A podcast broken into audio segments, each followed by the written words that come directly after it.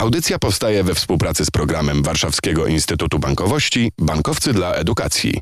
Trzy grosze o ekonomii. Dzień dobry, Piotr Topoliński w audycji Dziś Gdańsk i rozmowa z profesorem Leszkiem Balcerowiczem, który obejmuje katedrę imienia Eugeniusza Kwiatkowskiego, utworzoną jako jednostkę międzywydziałową na Uniwersytecie Gdańskim. O co dokładniej pyta Maciej Goniszewski z Radia Mors. Jest to katedra e, międzydyscyplinarna, między innymi obejmująca nauki ekonomiczne, e, nauki e, społeczne, nauki prawne.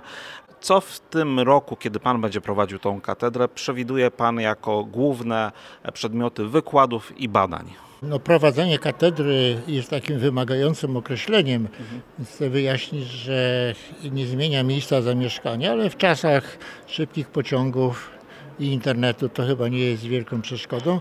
Ja jutro zacznę wykładem pod tytułem To ustroje. Decyduję, jakie kraje wywołują wojnę i jak społeczeństwa żyją. To się wiąże z moim e, głównym zainteresowaniem, które uważam za najważniejsze w naukach społecznych, a mianowicie zależność e, warunków życia od typu ustroju. Mamy e, niezwykle ważne, takie przejmujące informacje, jak przy takiej samej kulturze, ale bardzo różnych ustrojach czy systemach instytucjonalnych, różnią się warunki życia ludzi. Weźmy Niemcy wschodnie i zachodnie do momentu zjednoczenia. Tak? Ale jeszcze bardziej skrajne różnice występowały pomiędzy, czyli występują pomiędzy Koreą Północną i Koreą Południową. Korea Północna to jest potworne zacofanie i potworny ucisk ludzi. Korea Południowa to jest demokracja i dzięki szybkiemu rozwojowi gospodarki w przeszłości dobrobyt a Polska PRL-u do 1989 roku i Polska po PRL-u. Dlaczego y, warunk- przybyliśmy się pod względem warunków życia do Zachodu? No i jeżeli się bardziej zmobilizujemy, to przywrócimy dobrą demokrację. No dlatego, że zmieniliśmy ustrój. W naukach społecznych czasami mówi się, jak bardzo ważne są takie różnice kulturowe, specyficzne cechy społeczeństw, ale to jest gruba przesada. O wiele ważniejsze są duże różnice w ustrojach. Jeżeli z jakichś powodów naród ma zły ustrój, my mieliśmy bardzo zły po 1945 roku, przecież go nie wybieraliśmy, a pojawi się możliwość, żeby go poprawić, to nie ma ważniejszego zadania z punktu widzenia warunków życia narodu czy społeczeństwa, żeby to robić. Ale co to znaczy poprawić? To odejść od nadmiernej władzy politycznej, czyli państwa, bo jak bo y, wolność jednostek, a w związku z tym możliwość ich produktywnego działania jest odwrotnie proporcjonalna do władzy politycznej. A co to znaczy? No i taka możliwość historyczna pojawiła się po 1989 roku i nie miałem najmniejszej wątpliwości, że to jest w ogóle dziejowe, to jest epokowe. Rozdęta władza polityczna to, to jest ja, to jest dyktatura, co oznacza, że prokuratura jest narzędziem prześladowania opozycji, a sądy zatwierdzają wnioski prokuratury, coś co, do czego Ziobro dąży. Po drugie, to jest własność państwowa, która zawsze nie tylko rodzi marnotrawstwo, ale i instrumentem panowania nad ludźmi, bo każdego można wyrzucić z pracy. I wreszcie rozdęta władza polityczna może mieć tylko socjalistyczną demokrację, czyli ludzie wybierają, bo się boją, znaczy głosują, bo się boją nie głosować, ale wiedzą, że nie wybierają. Mam pytanie o wojnę, która wybuchła. E, czy pan widzi jakieś, dużo się mówi o politycznych e, przyczynach tej wojny, a czy pan widzi jakieś gospodarcze przyczyny tej wojny? Czy Rosja w jakiś sposób chce wykorzystać, nie wiem, zasoby Ukrainy? Czy co było w głowie Putina przed tym wobec jest, tego nie wiem. Natomiast mogę powiedzieć, że on znacznie wcześniej, już gdzieś w 2008 roku, szerzył tą haniebną doktrynę, że Ukraina to nie jest odrębny naród. Tak jak powiedzieć, że Polska to nie odrębny naród. To Czyli to u niego tkwiło, czy to z takiego powodu, że nienawidził Ukrainy, czy też chciał być carem, nowym carem Iwanem Groźnym, tego nie wiem, ale te ślady były wcześniej. E, no, to chodzi o, jeżeli chodzi o tą y, y, przeszłość, natomiast chodzi o przyszłość nie do, bardzo trudna do jakiegoś całkiem pewnego wyprognozowania, to chcę tylko zwrócić uwagę na dwa czynniki, które będą rozstrzygające. Mianowicie scenariusz militarny, no i to każdy z nas z radością odnotowuje, jak przeliczył się Putin, który z tego, co czytamy, to on oczekiwał na podstawie pewnie informacji, którą uzyskiwał od swojego wywiadu, że Ukraińcy będą go witać z kwiatami i usuną ten swój w jego języku faszystowski czy nazistowski. To jest potworna to ta propaganda, więc się przeliczył. No i Ukraińcy zyskali ogromny respekt i szacunek. A jeżeli ktoś oni zadają kłam tej potwornej propagandzie tym, że z Polski wyjeżdżają walczyć o swój kraj. Narażają życie, mogliby tu być, a ilu z nich wyjeżdża? To jest niesłychane. To jest... Czy możemy tu mówić o takiej wojnie gospodarczej, światowej wojnie gospodarczej? No ja bym powiedział tak, że wyobraźmy sobie, że nie ma sankcji. To by wyraz takiej moralnej obojętności, i takie działanie na, z korzyścią dla Putina. Więc to, że są bezprecedensowe sankcje, jest niezwykle ważne, zarówno z punktu widzenia moralnego, jak i y, z punktu widzenia pogorszenia sytuacji na jeźdźcy. To powiedziawszy i podkreślę, to chcę podkreślić, no musimy pamiętać, że sankcje mają swoje koszty również dla tych, co te sankcje wprowadzają. O wiele większe koszty dla Putina i, i Rosjan, ale jakieś też koszty dla tych, co wprowadzają owe sankcje, no zaburzenia w dostawach, wyższe ceny i tak dalej. No ale to jest jak gdyby nasz wyraz poparcia dla bohatersko broniących się Ukraińców. Tak nam, żeby, mówię tak, żeby jak gdyby trochę uprzedzić jakieś takie narzekania. No tak, to jest dobrze, pamiętajmy o tym.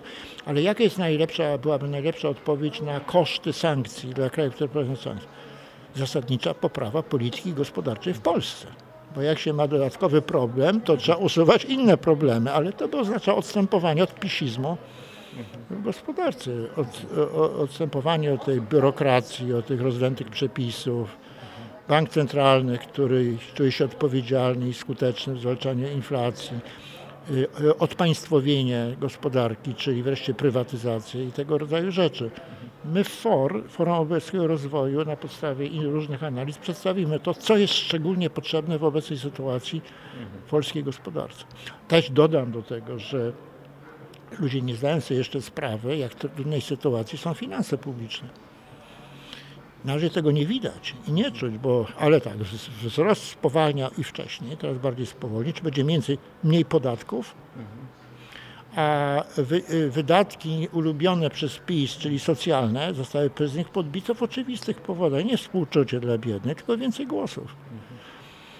No i jeżeli mamy takie rozwieranie, grozi nam rozwieranie się luki pomiędzy rosnącymi wydatkami, a mniej wolniej rosnącymi dochodami budżetu, no to jak się tę lukę wypełni? Pod, dalsze podwyżki podatków, które w sumie w Polsce są już wysokie, albo dalsze zaciąganie długu, za który my, nowe zaciągane długi, płacimy dużo więcej niż kraje Zachodu.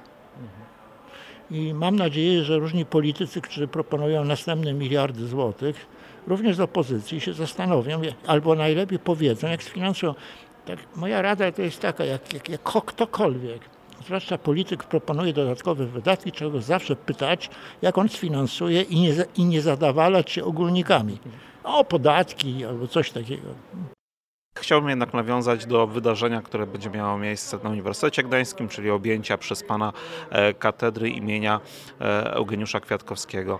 E, jak pan ocenia jego działalność jako ekonomisty przedwojennego, który się przyczynił między innymi przecież do powstania Gdyni, ale który miał takie poglądy dosyć sprecyzowane na interwencjonizm państwowy, na przykład chciał wprowadzić regulowane ceny na produkty rolne.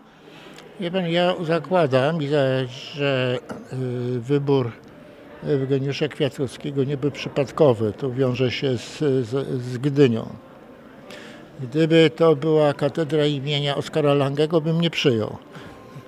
Albo Kaleckiego, Michała Kaleckiego, którzy uchodzili za, byli słusznie, uchodzili za wybitnych ekonomistów marksistowskich. to bym nie przyjął. Natomiast tutaj ja za założyłem, że tu chodzi o działalność Eugeniusza Kwiatkowskiego jako polityka gospodarczego w jego czasach, a nie jego poglądy teoretyków, po pierwsze. A po drugie, uznałem, że główny wkład Kwiatkowskiego polegał na promowaniu inwestycji finansowanych przez państwo w infrastrukturę. I jeżeli jest taka dziedzina, gdzie jest stosunkowo najmniej wątpliwości odnośnie działalności państwa, to jest właśnie to. Bo zauważmy, że było ogromne zacofanie Polski. Po okresie zaboru I wojny infrastruktura wymagała rozwinięcia i y, była rzeczą dosyć naturalną, że y, nawet biedny kraj z budżetu finansował y, właśnie takie projekty infrastrukturalne, bo państwo, które finansowało w tamtych czasach, nie realizowało tego. To nie były firmy państwowe, które realizowały. Nie, więc i mogę powiedzieć tak, że to dość często występuje w krajach o gospodarce rynkowej, więc to nie jest herezja. To nie musi oburzać liberała, że to jest stosunkowo najbardziej niekontrowersyjne. A tu mogę dodać, proszę Państwa, a kto finansował y, ogromny rozwój dróg w Polsce i autostrad? I to szczególnie w latach 2000. O ile pamiętam, to y, liczba kilometrów dróg niekolizyjnych i autostrad wzrosła ponad 400 do 4000. Kto to finansował? Unia Europejska, czyli instytucje, instytucja publiczna, ale realizowały to firmy, nie firmy prywatne. E, czy w tej chwili Pan widzi jakieś takie inwestycje właśnie infrastrukturalne, którym państwo powinno się zająć? Chyba za mało mam konkretnej wiedzy, żebym ryzykował jakieś wskazówki inwestycyjne. Mogę tylko powiedzieć, że dokonaliśmy w ostatnich 30 parę latach ogromnej ekspansji. I to nie tylko y, finansowane ze środków unijnych czy budżetu centralnego w Polsce, ale przez tak zwane samorządy czy władze lokalne. Bez niezależnych władz lokalnych e, ludzie chyba wybierają lepiej na szczeblu lokalnym niż centralnym. Nie mielibyśmy takiego przeobrażenia miast, miasteczek, wielkich miast. To też nam pokazuje z kolei znaczenie demokracji na szczeblu lokalnym. Ogromnie ważne. Studenci Uniwersytetu Gdańskiego będą mogli pana przychodzić na Pana wykłady, posłuchać Pana osobiście, tak? Tylko chcę powiedzieć, że na szczęście jest internet i że będę z tego korzystać, nie wykluczając tego, co lubię, to znaczy od czasu do czasu bezpośredniego kontaktu ze studentami wszystkich wydziałów. Dlatego, że ja nie mówię do ekonomistów tylko. Staram się mówić do ludzi, którzy no, chcą mieć e, albo pogłębić elementarną wiedzę jaki ustrój trzeba odsunąć i dlaczego, i jaki ustrój trzeba wprowadzić. Bardzo panu profesorowi dziękuję. E, zapraszam studentów e, na Wydział Ekonomiczny. Jak słyszymy, nie tylko ekonomistów, ale też... Lubię też fizyków, chemików, biologów i tak dalej. Do usłyszenia Maciej Goniszewski. Całą rozmowę Maćka można znaleźć na stronie Radia Mors www.morsugedu.pl. I to wszystko w naszej audycji. Przypomnę, że podcast Trzy grosze o ekonomii również jest kolejnym miejscem w internecie, które warto odwiedzić i śledzić. W naszej kolejnej audycji porozmawiamy o tym, jak zrozumieć świat od wschodu do zachodu. Brzmi to może nieco enigmatycznie, ale z ekspertami rozmawialiśmy nie tylko o obecnej sytuacji, lecz także o scenariuszach na przyszłość, o Polsce pod kątem migracji wojennych, o sytuacji mm, społecznej w USA i Chinach. Te tematy e, podczas e, szóstego spotkania klubu liderów studenckich pojawiły się i myślę, że fragmenty tych dyskusji również warto zaprezentować w naszej audycji. Trzy grosze o ekonomii. Do usłyszenia, Piotr Topoliński. Audycja powstaje we współpracy z programem Warszawskiego Instytutu Bankowości Bankowcy dla Edukacji.